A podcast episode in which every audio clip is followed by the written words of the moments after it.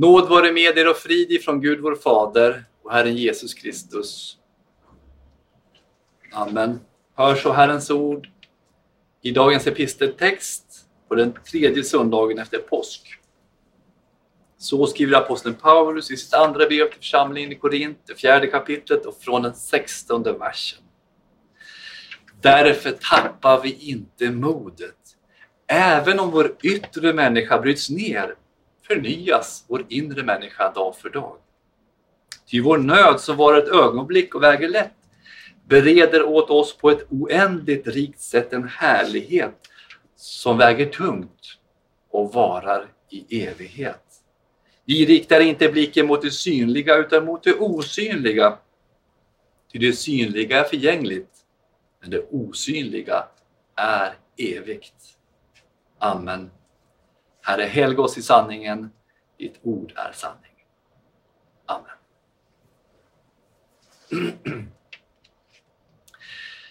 Vad har du och jag för mål med våra liv? Ja, vad vi har för mål, det påverkar hur vi lever och hur vi möter motgångar och medgångar.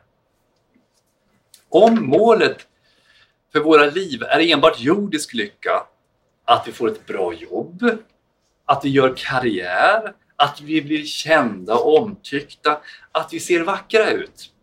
Att vi får njuta så mycket som möjligt av spänning, nöjen, intressen, mat, fina kläder och tidsfördriv. Ja, då kommer våra liv handla om hur vi når dessa mål. Då handlar våra liv om att fokusera på jobb för att kunna tjäna så mycket pengar som möjligt. Att få tid över för fritidsintressen för att kunna ägna oss åt fritid. Att jobba på det yttre, att träna och äta rätt för att vi ska se smala, vackra och välsminkade ut. Att vi umgås med rätt folk och så vidare och så vidare och så vidare. Och målen fortfarande är jordiska. Alltså vad vi kan uppnå i den här världen. Och vi, kom, och, och vi misslyckas. Vi möter motgångar, kanske lidande och problem. Hur kommer vi då att uppleva våra liv?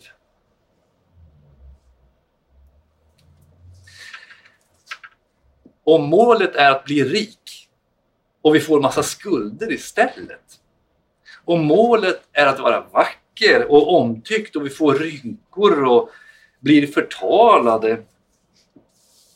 Om målet är att må bra och ägna sig åt fritidsintressen och sport och vi blir sjuka och handikappade eller svaga och skröpliga kommer vi då att uppleva våra liv som ett misslyckande?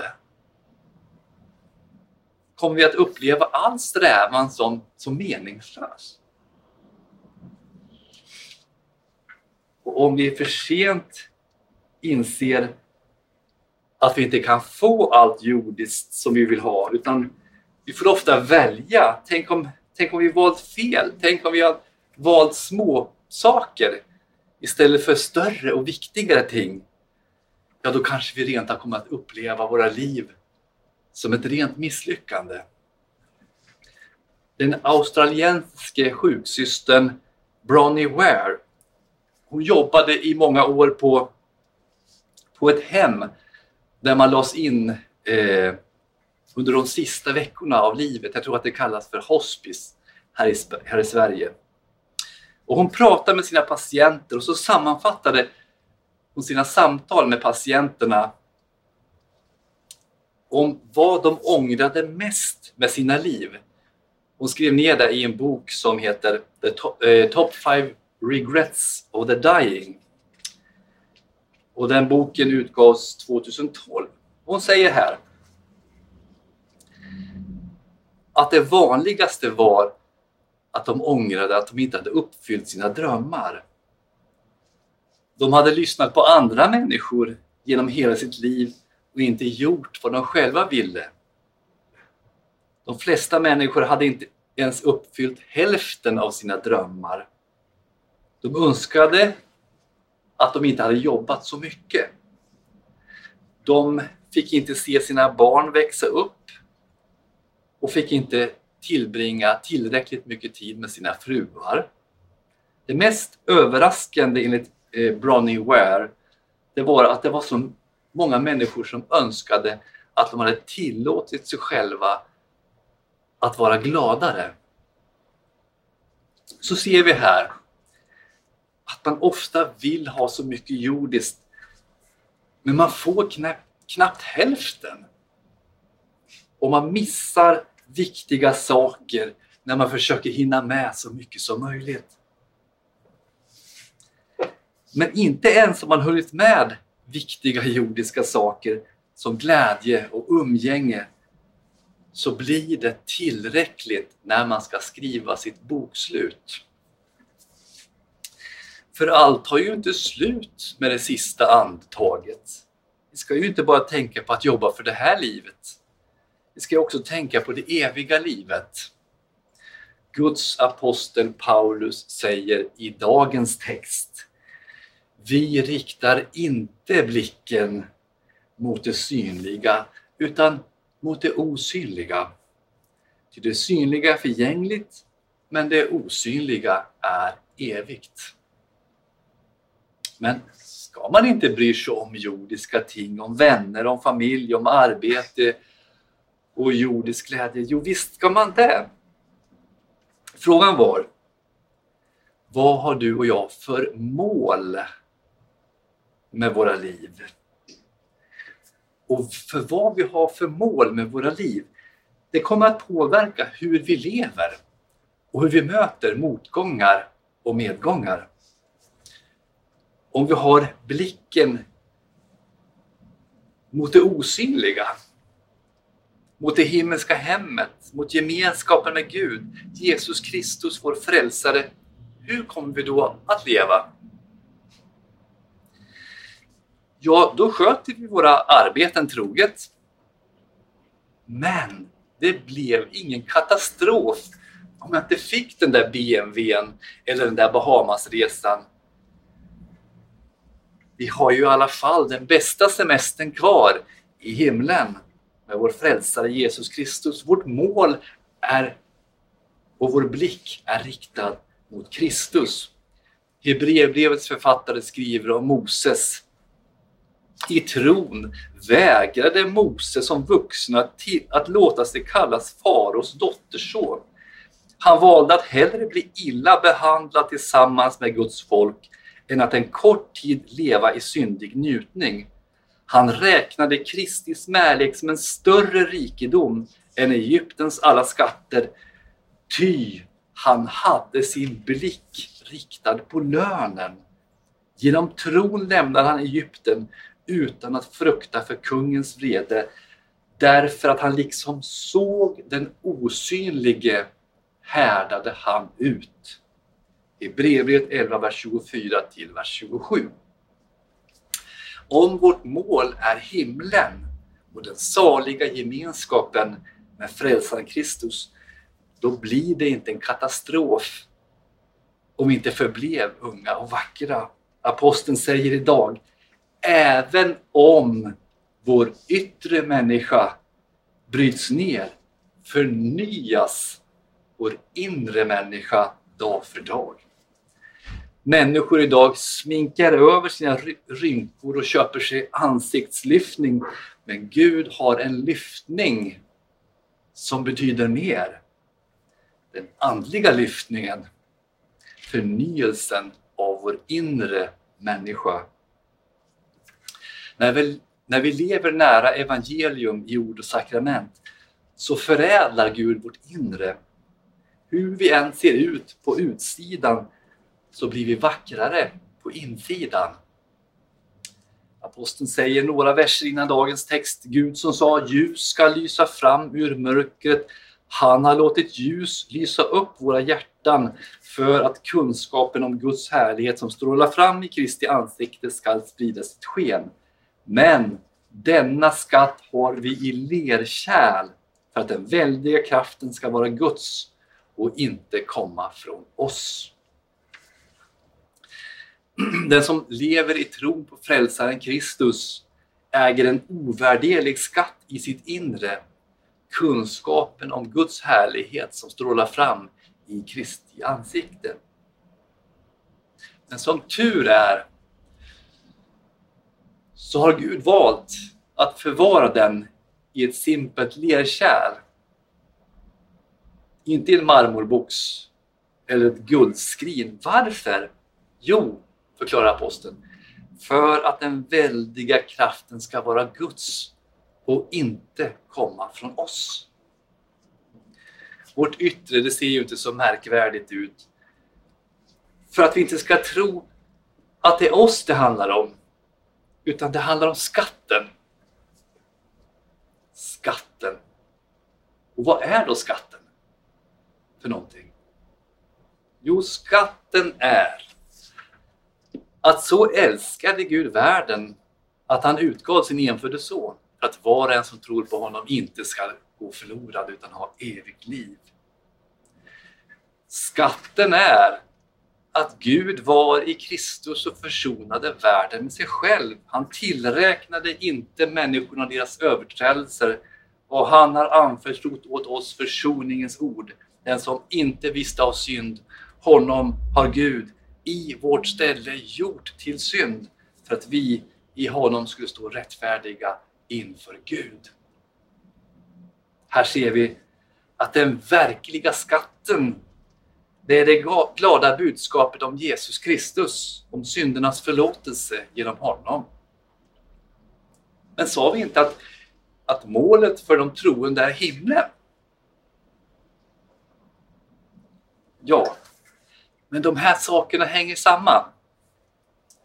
Om vi äger förlåtelsen i Kristus genom tron, då äger vi också himlen. Är våra synder förlåtna om Gud strukit ett streck över alla våra fel, alla våra missgärningar när Kristus dog på korset och när han uppstod på den tredje dagen ur graven, ja då finns det ingenting som hindrar oss när vi tror på Kristus att få komma till himlen. Då finns inga synder som kan anklaga oss på domens dag. Då har också våra liv plötsligt en större mening. Avsikten med våra liv här är i första hand inte att vi ska förverkliga oss själva utan att vi ska ära Gud genom våra liv. Och det gör vi när vi sköter våra jordiska plikter, när vi tar hand om vår familj och våra vänner och när vi sprider det glada budskapet till andra människor. Det glada budskapet om syndernas förlåtelse genom Jesus Kristus, vår frälsare. Och här ser vi det verkliga målet, himlen. Och redskapet för att komma dit, Kristus. Och vad vi ska ägna våra liv åt. Att leva i lydnad för Gud, i trohet och renhet. Då kommer den tredje frågan upp som vi tog upp i inledningen vad händer om vi misslyckas? Om vi möter motgångar, kanske lidande och problem, hur kommer vi då att uppleva våra liv? Paulus han tar upp detta med motgångarna för den kristne i dagens text när han säger därför tappar vi inte modet. Även om vår yttre människa bryts ner förnyas vår inre människa dag för dag. Till vår nöd som var ett ögonblick och väger lätt bereder åt oss på ett oändligt sätt en härlighet som väger tungt och varar i evighet. Vi riktar inte blicken mot det synliga utan mot det osynliga. Ty det synliga är förgängligt, men det osynliga är evigt. Aposteln säger här att för de troende så blir motgångarna inte ett sätt att grusa våra liv. Att visa att de var bortkastade, utan tvärtom. Nöden varar ett ögonblick och väger lätt och bereder åt oss på ett oändligt sätt en härlighet som väger tungt och varar i evighet. Vi ska se nöden på två sätt. Vi vet ju att för den som har hela sitt hopp till det jordiska så betyder nöden allt om den grusar våra liv. Men om vårt hopp står till evigheten, gemenskapen med vår frälsare, så är nöden kort. Vare sig den varar i några veckor, några år eller hela vårt liv. Eftersom det här livet är ju bara ett sandkorn på evighetens strand. Aposteln säger i Romarbrevet 8, vers 18 Jag hävdar att den här tidens lidanden väger lätt i jämförelse med den härlighet som kommer att uppenbaras och bli vår. För det andra så använder Gud nöden för att dana en ny människa i oss. Den bereder, skriver han, åt oss på ett oändligt rikt sätt en härlighet som väger tungt och varar i evighet. Hebreerbrevets författare skriver Det är till er fostran ni får utstå lidande. Aposteln skriver i Romarbrevet 5 då vi alltså har förklarats rättfärdiga av tro har vi frid med Gud genom vår Herre Jesus Kristus. Genom honom har vi också tillträde till den nåd som vi nu står i och vi jublar i hoppet om Guds härlighet. Men inte bara det. Vi jublar också mitt i våra lidanden eftersom vi vet att lidandet ger tålamod. Tålamodet fasthet och fastheten hopp. Tänk så annorlunda man kan se på livet beroende på vilket mål man har. Mannen som i dagens text säger Vår nöd som varar ett ögonblick och väger lätt var ju i det närmaste vad man kan komma till en expert på lidande av olika slag. Aposteln Paulus. Han säger på ett annat ställe, är de Kristi tjänare? Det är ännu mer, för att nu tala likt en dåre. Jag har arbetat mer, suttit i fängelse mer, fått hugg och slag i överflöd och ofta svävat i livsfara. Av judarna har jag fem gånger fått 40 gisselslag så när som på ett. Tre gånger har jag blivit piskad med spö. En gång har jag blivit stenad. Tre gånger har jag lidit skeppsbrott. Ett helt dygn låg jag i det djupa vattnet. Jag har ofta varit på resor, utstått faror på floder, faror bland rövare, faror från landsmän, faror från hedningar, faror i städer, i öknar och på hav, faror bland falska bröder. Allt under arbete och slit, ofta under vaknätter, under hunger och törst, ofta utan mat, frusen och naken. Och ändå kunde han säga att nöden väger lätt. Eftersom han hade något större i sitt hjärta. Tron på Jesus Kristus som frälsare. Därför kunde han säga att nöden väger lätt och den varar i ett ögonblick. Eftersom han jämförde den med den eviga gemenskapen med frälsaren i himlen. Aposteln Paulus. Världsligt sett så hade han en lovande karriär innan sin omvändelse. Han var ju en strålande lärare, en omtyckt rabbin som hade stort förtroende hos sina landsmän. Men Guds sanna barn har funnit skatten Kristus som förändrar perspektiven. Nu handlar det inte om det jordiska, utan nu handlar det om Guds kärlek i Kristus Jesus. Nu var målet med gemenskapen med honom i himlen. Som man säger, vi riktar inte blicken mot det synliga utan mot det osynliga. Det, det synliga är förgängligt, men det osynliga är evigt. Låt oss tänka på samma sätt. Våra mål ska inte vara världens mål. Så att vi bara riktar in oss på att samla skatter på jorden där rost och mal förstör. Vi samlar en skatt i himlen. Då kommer lidandet som vi då och då stöter på inte få oss att uppleva våra liv som misslyckanden. Utan då blir lidandet och nöden de verktyg som Gud använder för att rena guldet från slaggen. Vi tappar inte modet, säger aposteln. Även om vår yttre människa bryts ner så förnyas vår inre människa dag för dag. Lejonhålet blev för Daniel utgångspunkten för hans upphöjelse i det babyloniska riket. Josefs fängelsecell blev för honom utgångspunkten för att bli en hög ämbetsman i Egypten. I fängelset så skrev aposteln flera av sina brev som vi har i Nya Testamentet. Ginstbusken blev för Elia utgångspunkten för ett större uppdrag i Israel. Och det var inte i det trygga Efesus, utan det var på fångenskapens Patmos som Johannes fick sina uppenbarelser. Därför tappar vi inte modet även om vår yttre människa bryts ner, förnyas vår inre människa dag för dag. Till vår nöd som varar ett ögonblick och väger lätt bereder åt oss på ett oändligt sätt på ett oändligt rikt sätt en härlighet som väger tungt och varar i evighet.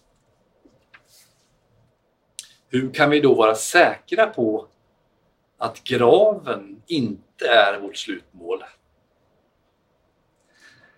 Svaret är att vi kan vara säkra därför att det kom en påskdag.